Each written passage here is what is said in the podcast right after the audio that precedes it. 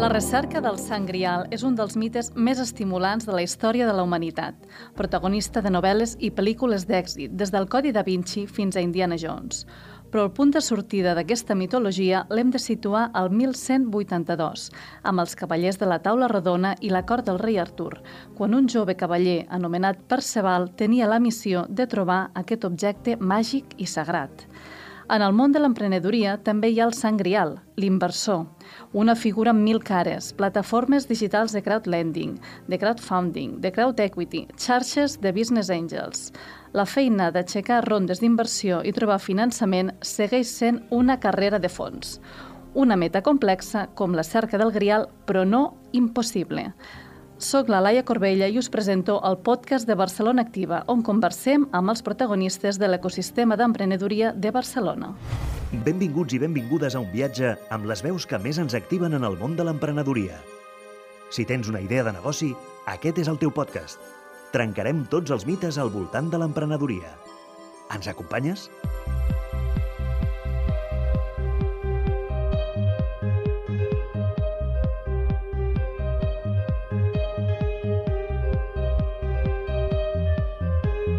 En el programa d'avui parlarem del finançament, un aspecte clau per poder impulsar un projecte, desenvolupar un producte o servei i validar el model de negoci.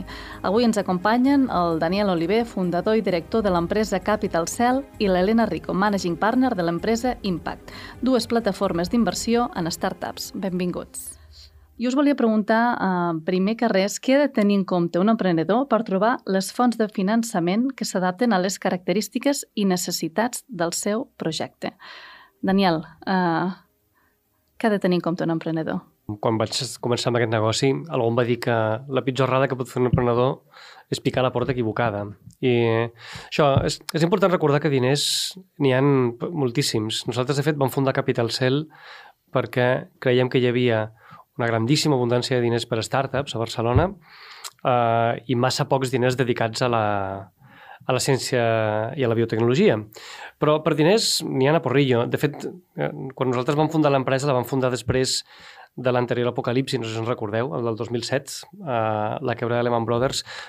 En, crec que va ser el 2007. Espanya va construir més vivenda que França, Itàlia i Alemanya juntes.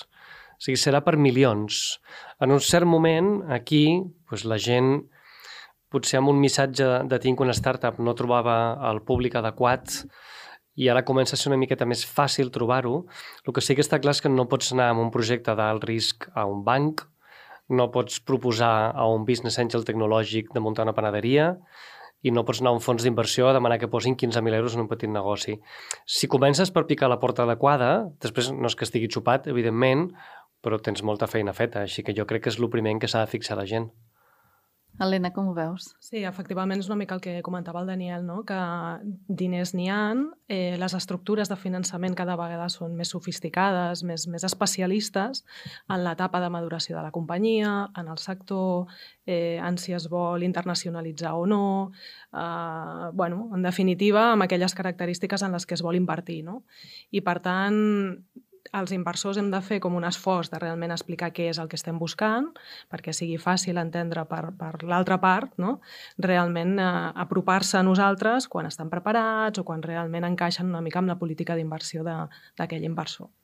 Um, dieu quan estan preparats, uh, no sé si pots buscar finançament quan només tens un, pro un prototip, quan encara no tens mètriques? Mm de fet, sí, sí és possible. El que passa és que has d'anar justament a aquest tipus d'inversor que està disposat a jugar amb les etapes més inicials de la companyia i que, per tant, ostres, doncs hi ha risc, no? Perquè el model de negoci encara està per validar, perquè l'equip normalment és, és, és jove, no? sense tanta experiència, eh, perquè no té aquestes mètriques o aquest, o aquest producte acabat de finalitzar i encara, i encara li queda doncs, un, un llarg recorregut no? fins que això es vagi consolidant. Però possibilitats n'hi ha. De fet, jo crec que també una cosa important que, que han de tenir en compte els emprenedors és que els primers calarons els han de posar ells, eh, també. És a dir, no es pot anar a demanar diners a un tercer, no?, que t'has de guanyar aquesta mm. confiança i has de convèncer, si tu mateix, no?, si el propi equip no és capaç de, de posar aquest primer funding, no?, aquest primer... I qui diu a l'emprenedor diu també a l'ecosistema eh, més proper, no?, aquest Friends Full and Family o, o, o, o aquesta gent que realment et, et coneix molt i que el que fas creure amb tu com a persona doncs són els, els primers finançadors d'aquest projecte projectes sense mètriques. I, I ara que comentes les tres Fs, quina, quina hauria de ser la composició de capital d'una empresa? O no, no sé si hi ha una recepta o hi ha un, un cas que dius, uh, no sé, hauries de començar, potser hi ha tota la part també d'ajuts públics, uh, hi ha tota la part d'administració, hi ha la part aquesta de Family Friends and Full, hi ha Business Angels, hi ha plataformes. Quina hauria de ser l'estructura de finançament o composició de capital d'una empresa? Well, crec que no hem d'oblidar que l'estructura ideal de composició de capital és que siguis 100% propietari dels fundadors, mm -hmm. si pot ser. Una empresa idealment... Aquesta seria la carta als Reis. La carta als Reis seria fer això, no necessitar finançament, créixer en ventes i no haver de ficar inversió, com que generalment no es pot.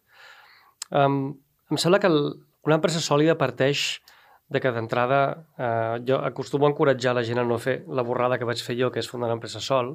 L'ideal és fer-ho amb socis i quan fundes l'empresa amb socis, hi ha qui diu que el número ideal està entre 2 i 4, i no és cap d'aquests dos.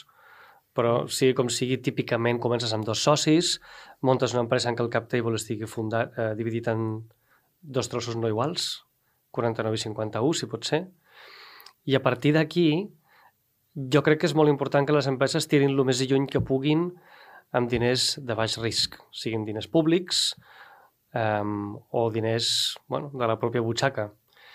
A partir d'aquí, lo de les 3 Fs o els Business Angels, nosaltres a Capital Cell operem una plataforma de crowdfunding i ens trobem moltes vegades que es pensa que la família, els amics, els Business Angels um, tenen motivacions barbarament diferents. Crec que en realitat són una mica les mateixes. Um, si un negoci és molt bo, en principi un emprenedor hauria de voler que inverteixi gent que guanyarà molts diners i si necessites molts pocs diners, què més pots voler que, que la teva família posi diners i acabi fent-se molt rica. Per tant, si tens unes necessitats de diners reduïdes, les 3 Fs són un molt, molt, molt bon inversor.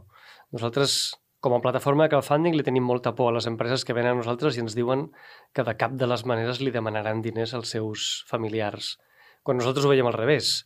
Si estàs muntant el següent Apple, el que no voldràs d'aquí 10 anys, quan et facis milionaris, que vingui el teu cunyat a dir-te com no em vas deixar posar diners. Bueno, per això jo crec molt que les 3 Fs és un finançador ideal per les primeres fases, tot el que es pugui. Comentaves, Daniel, um, Capital Cell, una plataforma d'equity crowdfunding, uh, o el que és el mateix, no? finançament col·lectiu d'inversió i especialitzat en salut i biotecnologia. Um, quines serien les 3, 4, 5 claus del crowdfunding? Mm, normalment, per, per respondre això, tinc una presentació de 3 hores. Una, una ronda d'inversió. Eh, el crowdfunding, en essència, és una campanya de publicitat, de ventes. És exactament igual que llançar un producte a la venda, l'únic que aquí el producte és la teva empresa.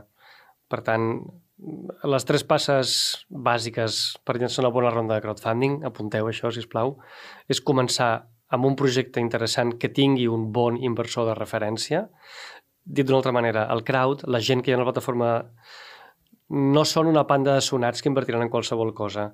Són una gent que està buscant bones oportunitats d'inversió i que invertiran amb moltes més ganes en una empresa en la que ja hi ha invertit algú que sap molt bé el que fa. Per tant, primera passa, tenir un lead investor eh, el més sòlid possible.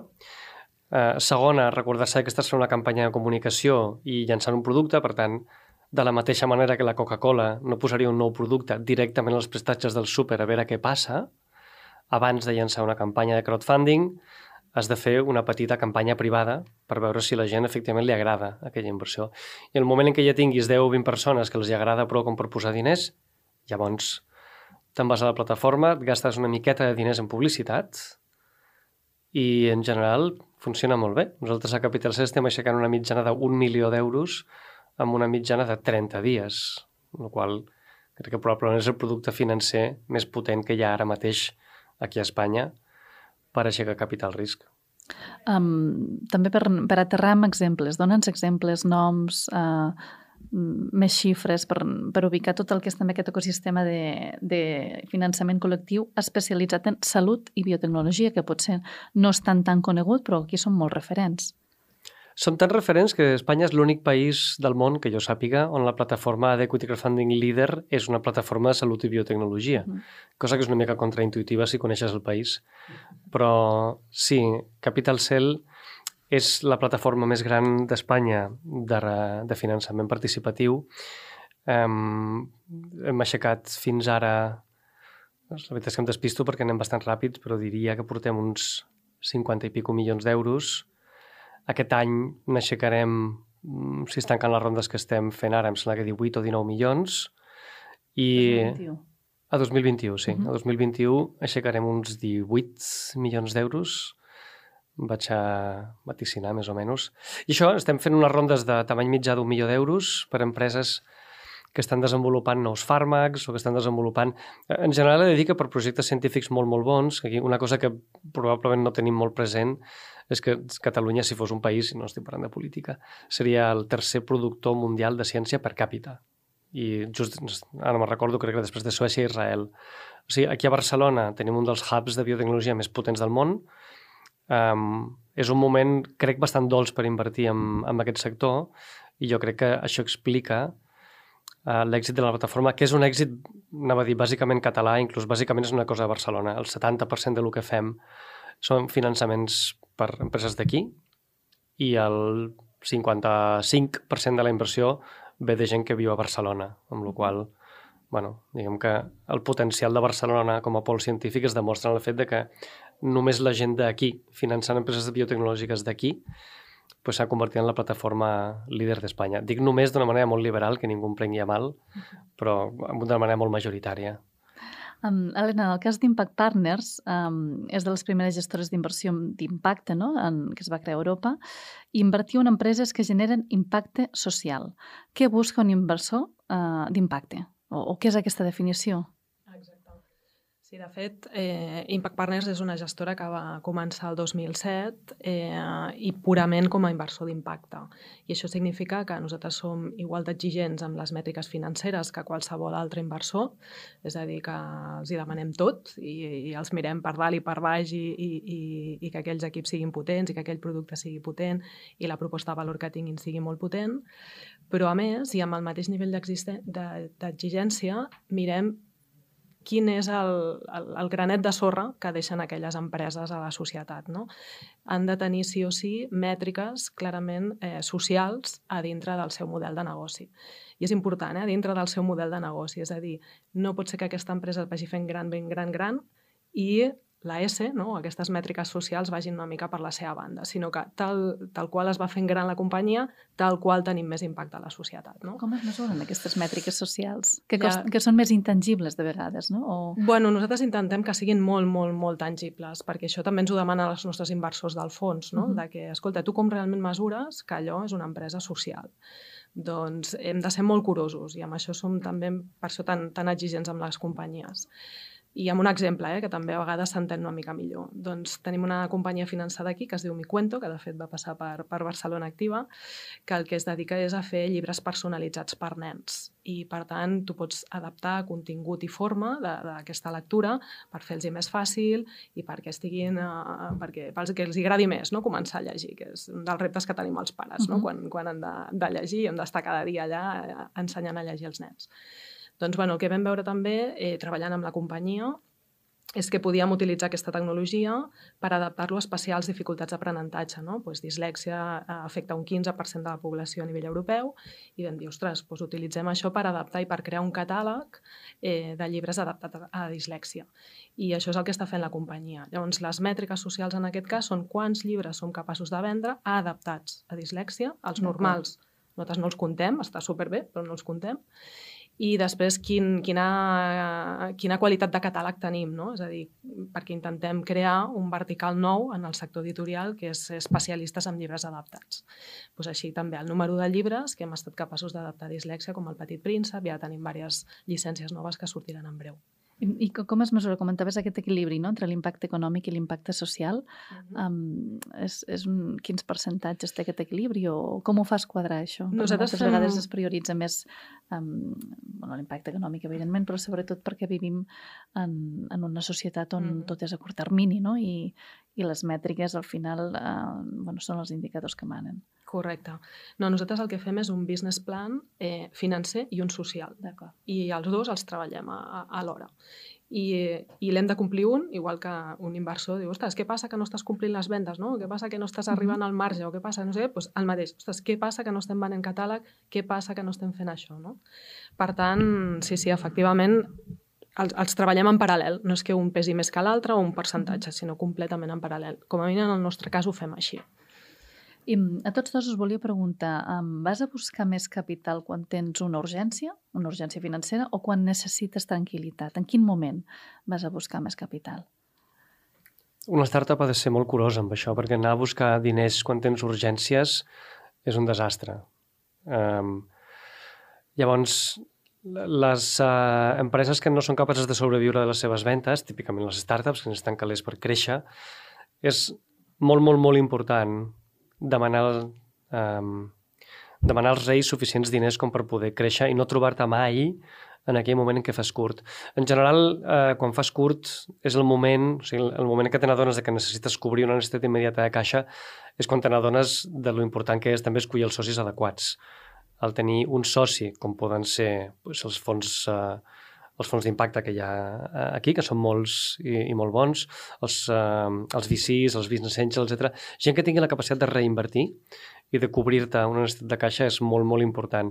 Sortir a dir-li a algú que posi diners a risc, una startup de per si és una cosa arriscada, i a més una que ha cremat diners fora de la zona de confort, és una proposta diguem, massa de risc com per sortir-te'n bé pots acabar trobant diners, però en general el que estaràs sacrificant és el preu que pagues per aquests diners i qualsevol d'aquestes situacions no és molt agradable. Per tant, els diners planificats amb tranquil·litat i amb els millors socis possibles. Aquesta seria la teoria. No sé si també és la pràctica o, o no. O... És la pràctica en el sentit de que mm, les empreses que es troben amb problemes de diners no és raro. Ara, de fet, segur que l'Helena té més dades eh, estadístiques que jo, però és un dels, eh, una de les causes percentuals més habituals de mort d'empresa. Així que és, jo crec que és tant a la teoria com a la pràctica. Sortir-se de la teoria i haver de fer inventos i miracles, bueno, de vegades funciona i de vegades no. Helena. Sí, efectivament, potser és la, la teoria no? i després la pràctica potser és una altra. Jo crec que el, que el principal consell és arribar amb prou temps. Eh, ja sabem que al final una startup, una empresa, quan busca finançament, doncs arribarà un punt que és que l'està demanant perquè el necessitarà no? i es quedarà sense caixa o perquè vol fer un pla expansiu i igualment necessita aquests diners. Però ha de saber que aquests processos no són curts i necessitem aquesta, generar aquesta confiança amb l'inversor i per tant això implica conèixer-nos i escolta i parlar d'això i definir i, i renegociar el business plan i tot plegat. No? I aquest procés, com a mínim en el nostre cas, és uns sis mesos, una cosa així. Per tant, clar, si arribes dient, mira, és que tinc dos mesos de caixa, malament, estaràs molt apretat, no? Si dius, mira, doncs és que tinc vuit mesos, nou mesos, escolta, vaig negociant tranquil, doncs correcte, no? Més o menys els timings, diguéssim, de fer tot el procés amb el que tens de vida de caixa, doncs és, és, és encertat. I després, quants diners, que aquí allargo una mica amb, amb el que deia ell, també s'ha de demanar diners suficients per arribar a alguna fita de valor, no? No et pots quedar a mitges. I això també és algo que els emprenedors a vegades diuen, bueno, però si és que em demano menys, no? Perquè amb això em diluiré menys i tindré tal. Eh, a vegades és un error, no? Perquè si has d'arribar a, eh, no ho sé, m'invento, eh? ser líder en alguna categoria o en algun país o obrir operacions a un altre país o acabar de desenvolupar un, un producte o passar una certificació, no? No hi ha res que, que si et quedes a mitges, llavors què, no? Eh, això és, és el pitjor que, quasi el pitjor que pots fer que, que arribar amb la caixa justa, no? Quedar-te allà a mitges i no, perquè llavors tot són tensions entre, entre l'inversor i, i l'emprenedor i l'empresa. Sí, és veritat que si com a emprenedor aixeques una ronda de finançament i no aconsegueixes fer el que havies dit que faries amb aquells diners, home, no, no és el millor reclam publicitari possible per demanar més diners. Així com diu l'Helena, home, arribar a fites amb la llengua fora és, des de luego, preferible a quedar-se a mitges, que és una situació molt desagradable i de la qual pues això, amb sort, amb contactes, amb algú que té una mica de fe en tu en aquell moment, etc, te'n pots sortir, però... Ara l'Helena també ha dit una cosa que s'ha de tenir molt en compte si tens una urgència tan urgent que els socis adequats, com pot ser un fons d'impacte, per exemple, senzillament, encara que vulguin invertir, no tenen temps de, perquè hi ha uns processos, on és due diligence, si ja vas a aixecar diners i els millors socis possible ja queden fora de qualsevol possibilitat perquè no tens temps, pues, home, és una situació realment dolenta en la qual aixecar vol dir que aniràs a buscar els diners com a molt del segon millor soci possible o del tercer o de qui bonament puguis. Heu repetit el concepte del millor soci possible. Um, no sé si això té una definició, té unes característiques. Uh, quin és el millor soci possible? Com ha de ser aquest soci? Crec que és, és important recordar-se que un inversor no és uh, una persona que només et dona diners. És a dir, eh, com a emprenedor, si tens una miqueta d'experiència, ràpidament te n'adones que si haguessis d'escollir entre donar-li el X% de la teva empresa a algú a canvi de 100.000 euros i que aquest algú sigui algú interessant, és millor que trobar-se una bossa d'escombraries amb 100.000 euros a dins, eh, encara que et puguis quedar el 100% de l'empresa. Els socis, eh, els fons d'inversió, per exemple, cal recordar que no són una bossa de diners. Són uns professionals que t'ajuden, que tenen contactes molt importants, són gent que t'ajudarà a aixecar la teva següent ronda d'inversió, són gent que t'ajudarà a vendre la teva empresa, etc etc. Les plataformes de crowdfunding, de la mateixa manera, et poden portar un munt de gent que converteixi, pots convertir, per exemple, els teus clients en accionistes teus. A Capital Cell hem fet moltes rondes en les que hem ficat com a accionistes d'una empresa a metges, a investigadors, etc. Mm. És a dir, la persona que t'aporta els diners et pot aportar molt més valor de moltes maneres, amb la qual no hi ha un millor soci, però jo crec que és importantíssim tenir això present. Ha la carta als Reis. Qui vols que sigui el teu soci? Que tens una startup, jo que sé, de medicina esportiva, ostres, no t'agradaria que el teu soci principal fos el Messi, per dir alguna cosa? Doncs comença per allà. Això és el millor soci possible. Um, com cada episodi també comptem amb el, amb el nostre punt tècnic. Uh, quan parlem de finançament, un dels grans reptes dels emprenedors és saber a quines portes trucar, ho comentava també tant el Daniel com, com l'Helena. Uh, saludem a l'Ivan Rodríguez, tècnic d'emprenedoria de Barcelona Activa. Benvingut. Gràcies. Des de Barcelona Activa s'impulsen programes, iniciatives per activar noves idees de negoci. Com trobes aquells instruments uh, de finançament que millor encaixen en el teu negoci? Bueno, primer de tot és una mica, com deia també el Dani i hem estat comentant ells, que és fer una mica l'estudi del projecte per saber les necessitats de cadascun, el seu model de negoci, el model de creixement i l'estadi en el que està. No? Jo em quedo amb la primera frase que ha dit el Dani de tocar la porta correcta i una mica el, el primer que farem a Barcelona Activa és fer una mica aquest estudi per saber quines finestres o quins instruments podem tenir.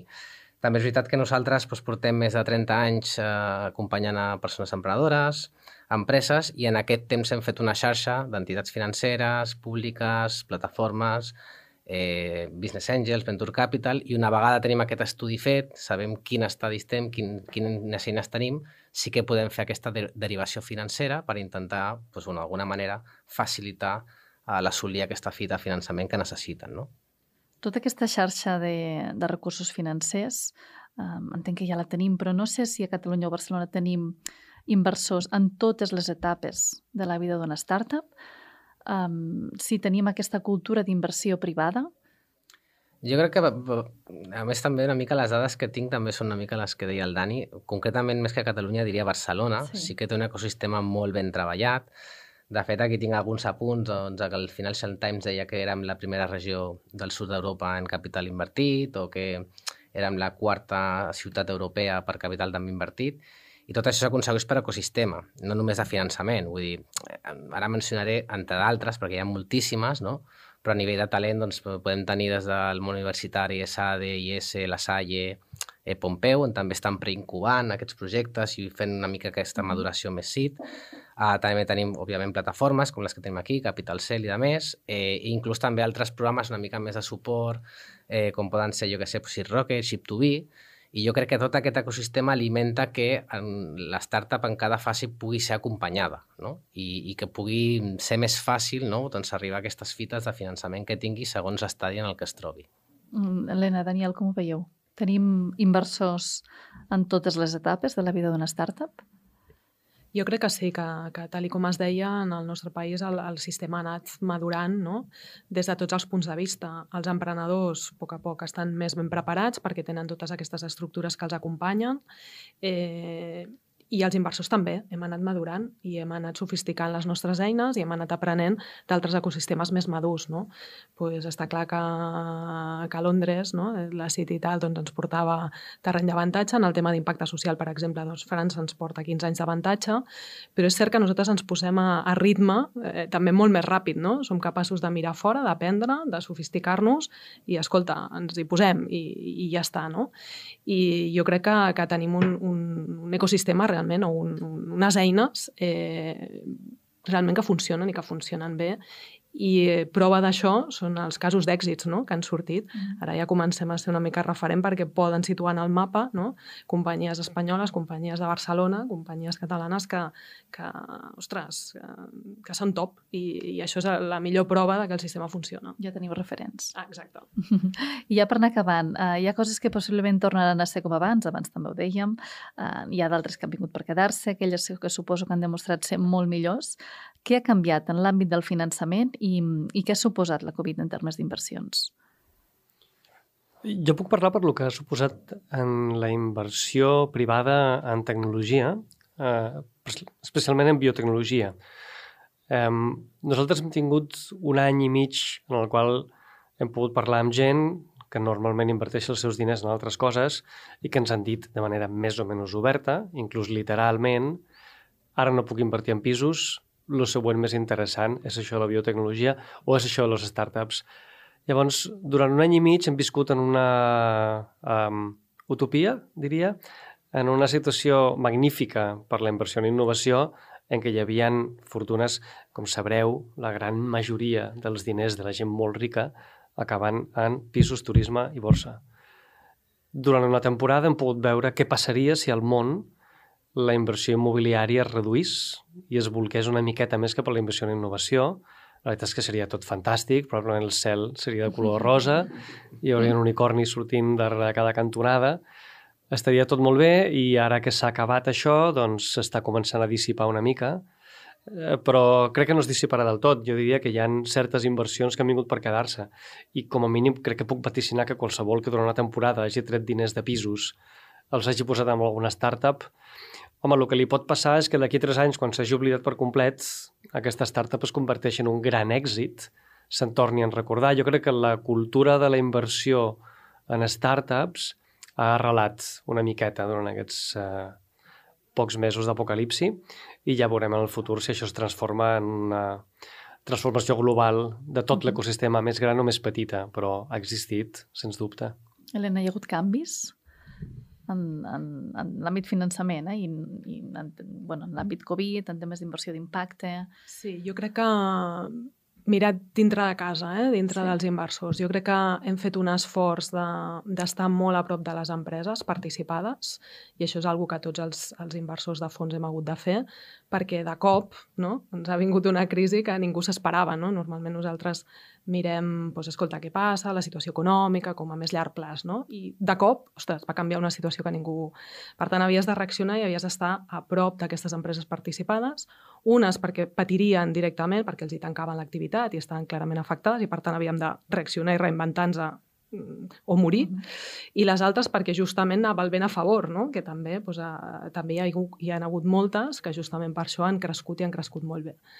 Per tant, eh, jo crec que, que nosaltres com a inversors hem, hem tret una mica l'aprenentatge de com podem aportar més valor a les empreses participades estan molt a prop seves, més enllà dels diners, no? com, deia, com deia el Daniel. I amb la situació de Covid doncs, ho hem hagut de posar en marxa o, o ens hem hagut, diguéssim, d'especialitzar de, de, més o de, de posar-hi més eines no? perquè l'entorn ho ha requerit. I jo crec que això no canviarà. O sigui, aquest apropament i aquesta aportació de valor més directa encara doncs l'hem sofisticat en el nostre cas i, i està per quedar-se. Doncs fins aquí l'episodi d'avui, on hem pogut conèixer una mica més la figura de l'inversor, eh, què hem de tenir en compte per determinar les necessitats reals de finançament d'un projecte. Ha estat un plaer parlar amb vosaltres, Helena, Daniel, Ivan, moltes gràcies. Moltes gràcies per haver-nos acompanyat. Moltes gràcies també als oients que formen part de la comunitat de Barcelona Activa. Nosaltres ho deixem aquí. Tornem la pròxima setmana amb un nou programa, un nou capítol amb les veus de l'emprenedoria.